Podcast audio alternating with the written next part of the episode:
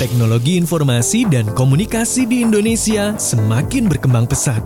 Agar tercipta Digital Nation, kita harus menjadi sumber daya manusia dengan talenta digital. Mau cakap Mau digital? cakap digital? Langsung aja kita simak Indonesia Makin cakap digital. podcast Literasi Digital Lokal Champion Indonesia Makin Cakap Digital.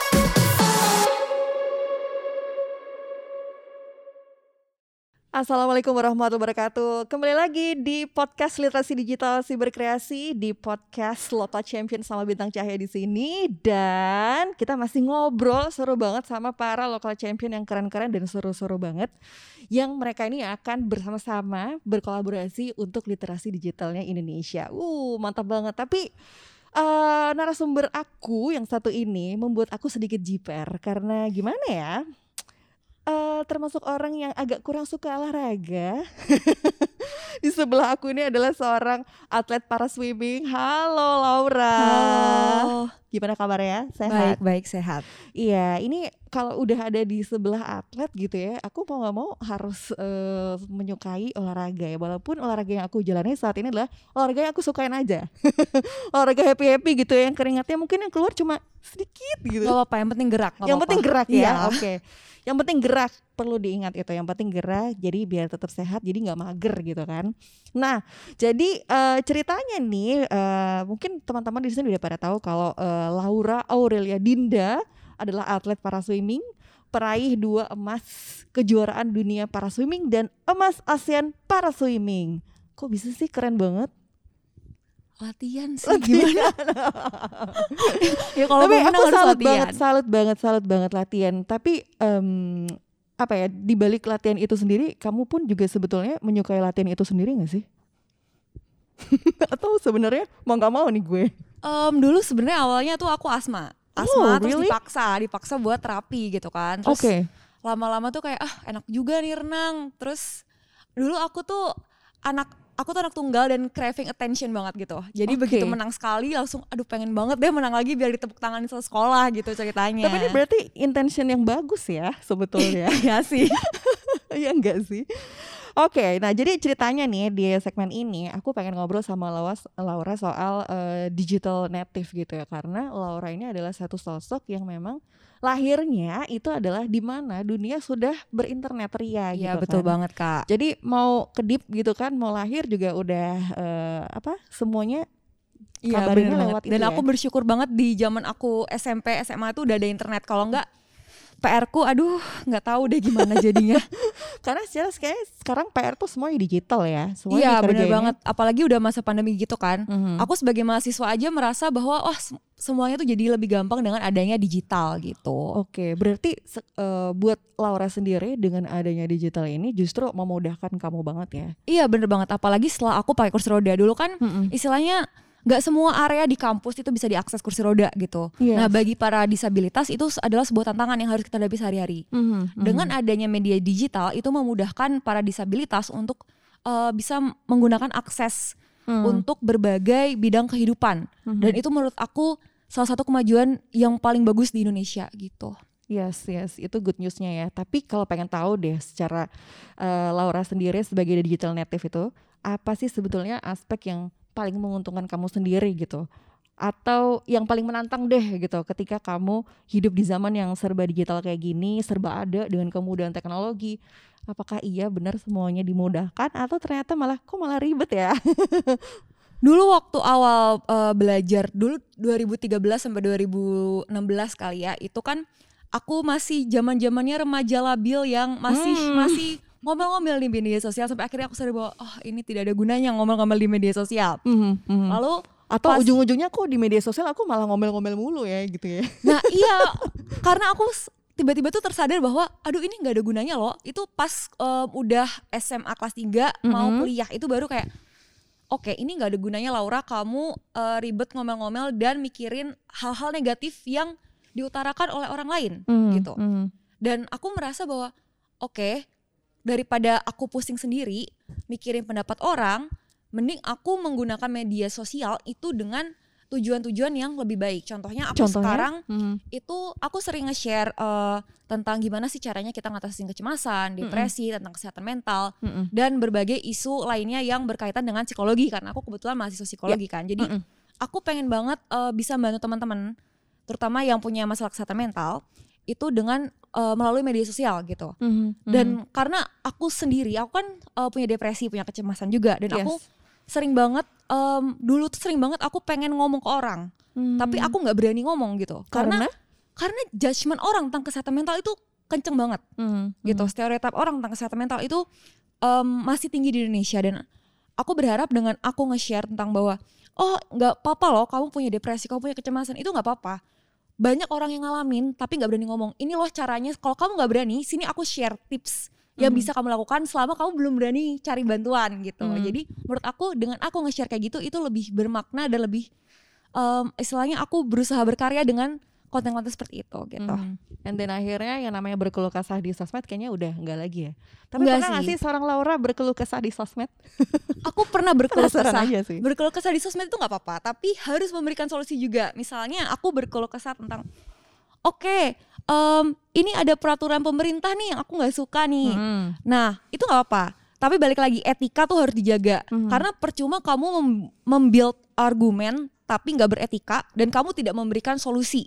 Mhm. Nah jadi menurut aku kalau kamu nggak suka sama sesuatu nggak apa-apa ngomong itu sosial media adalah platform di mana kamu bisa bebas untuk berpendapat tapi balik lagi pendapat kamu itu argumen kamu itu valid atau enggak berguna atau enggak gitu jadi kalau misalnya aku ngomel aku ngomel nggak apa-apa ngomel dengan etika Mhm. tapi aku juga aku juga sering menambahkan bahwa menurut aku Mhm. lebih baik kalau begini begini begini gitu jadi aku mempunyai saran yang sekiranya bisa membangun untuk memperbaiki masalah yang ada gitu. Mhm, mhm. Oke oke. Tanpa uh, merasa takut nanti soto ini gue nggak apa-apa ya as long as kita ngerti nih. Iya Kayaknya menurut aku supposed to be apa-apa. like this nih gitu. Menurut aku apa-apa nggak apa-apa karena istilahnya kita tuh salah tuh nggak masalah loh. Karena Mhm. mas em, menurut aku kesalahan kegagalan itu adalah suatu proses untuk kita maju dan terus berkembang. Ya? Mhm, kita belajar dari itu. Mhm. menurut aku hidup itu adalah em, jalan yang kita terus menerus belajar. Nggak mungkin kita berhenti belajar di satu titik kehidupan. Kita pasti belajar kita pasti akan bikin kesalahan di masa depan.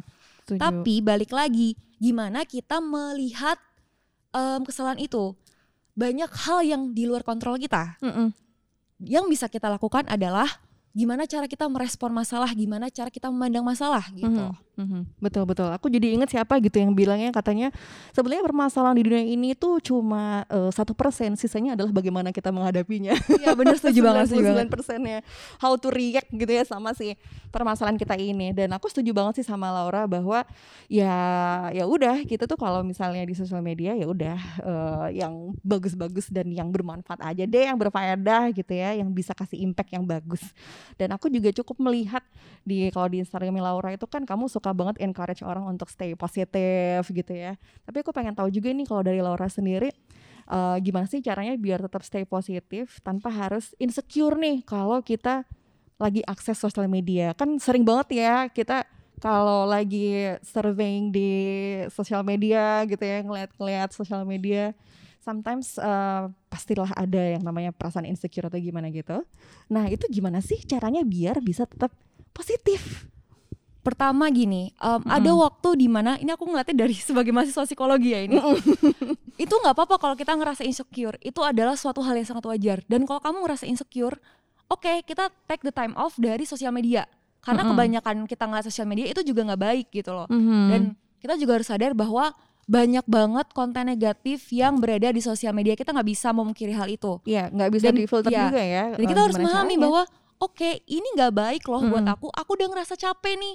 Oke deh, kit, em, stop dulu main HP-nya, stop dulu liat Instagram segala macam. Udah Mm. 6 jam deh minimal gitu. Kalau aku biasanya gitu. Aku udah capek, aku stop. Bener-bener Mm. aku stop. Aku oke, aku aku nonton TV, aku nonton Netflix segala macam. Tapi aku nggak mau eh, lihat sosial media dulu gitu. Mhm. Pertama gitu.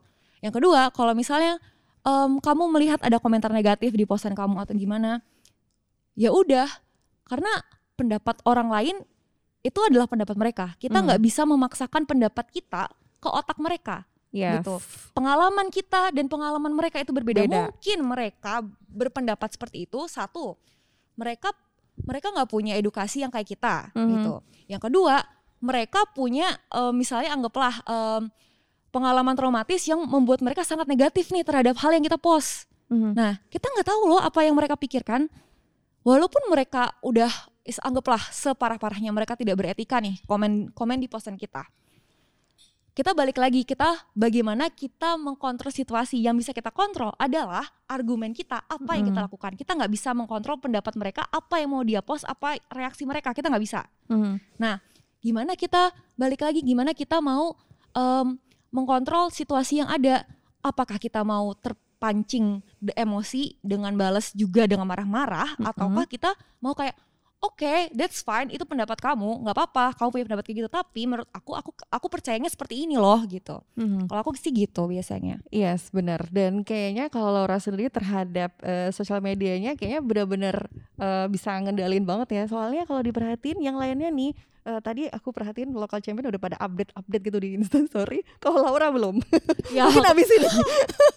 aku tuh sebenarnya jarang banget update yang kayak gini. Karena menurut aku aku nggak tahu sih. Aku pribadi merasa bahwa em, sosial sosial media itu bagi aku sekarang bukan tempat untuk dalam tanda kutip pamer gitu. Aku pengen nge-share em, konten-konten yang menurut aku itu ada eh, value-nya. Jadi kalau misalnya aku merasa itu oke em, semua orang udah akan lihat ini gitu loh. Udah banyak influencer yang akan ngepost di Instagram. Aku nggak perlu ngepost lagi. Apalagi mereka influencer yang lebih besar dari aku gitu. Yes. menurut aku itu nggak perlu lagi gitu. Indonesia Makin cakep. Digital.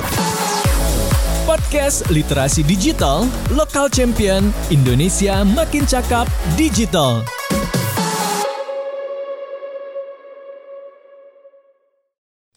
Terakhir sebelum menutup podcast literasi digital siberkreasi bersama Laura di segmen kali ini, aku pengen nanya deh sama Laura harapannya apa nih sebagai digital native untuk eh, teman-teman di luar sana gitu ya, biar eh, literasi digitalnya juga semakin bagus gitu ya dan punya pengendalian yang baik terhadap eh, digital ini. Kira-kira apa sih harapannya Laura gitu ya dan mungkin eh, selama pandemi COVID-19 ini juga kan kita juga punya banyak limitasi sebetulnya gitu ya. Eh, gimana nih Laura menghadapi semua tantangan itu? Yang pertama mungkin untuk em, mahasiswa yang kayak aku, em, kalian harus sadar bahwa balik tadi yang aku omongin, kita nggak bisa mengkontrol apa yang orang lain pikirkan, apa yang orang lain katakan gitu. Gimana cara kita mengkontrol situasi yang ada di posan kita atau tanggapan mereka mengenai segala sesuatu tentang diri kita itu adalah gimana cara kita bereaksi gitu. Dan aku berharap teman-teman semua bisa bereaksi dengan sepantasnya. Bisa bereaksi dengan sepantasnya di mana kita menggunakan bahasa-bahasa yang beretika juga gitu. Karena nggak ada gunanya loh kita marah-marah di media sosial, justru malah jat- nantinya jat- akan menjatuhkan kita gitu. Terima kasih yang udah dengerin podcast Literasi Digital Siberkreasi bersama Laura Aurelia Dinda, atlet para swimming dan peraih dua emas kejuaraan dunia para swimming dan emas ASEAN para swimming juga bersama saya Bintang Cahya di podcast Local Champion Makin Cakap Digital. Sampai ketemu di episode podcast selanjutnya. Bye-bye. Teknologi informasi dan komunikasi di Indonesia semakin berkembang pesat. Agar tercipta Digital Nation, kita harus menjadi sumber daya manusia dengan talenta digital. Mau cakep Mau digital. cakap digital? Langsung aja kita simak Indonesia Makin cakep digital. podcast Literasi Digital Lokal Champion Indonesia Makin Cakap Digital.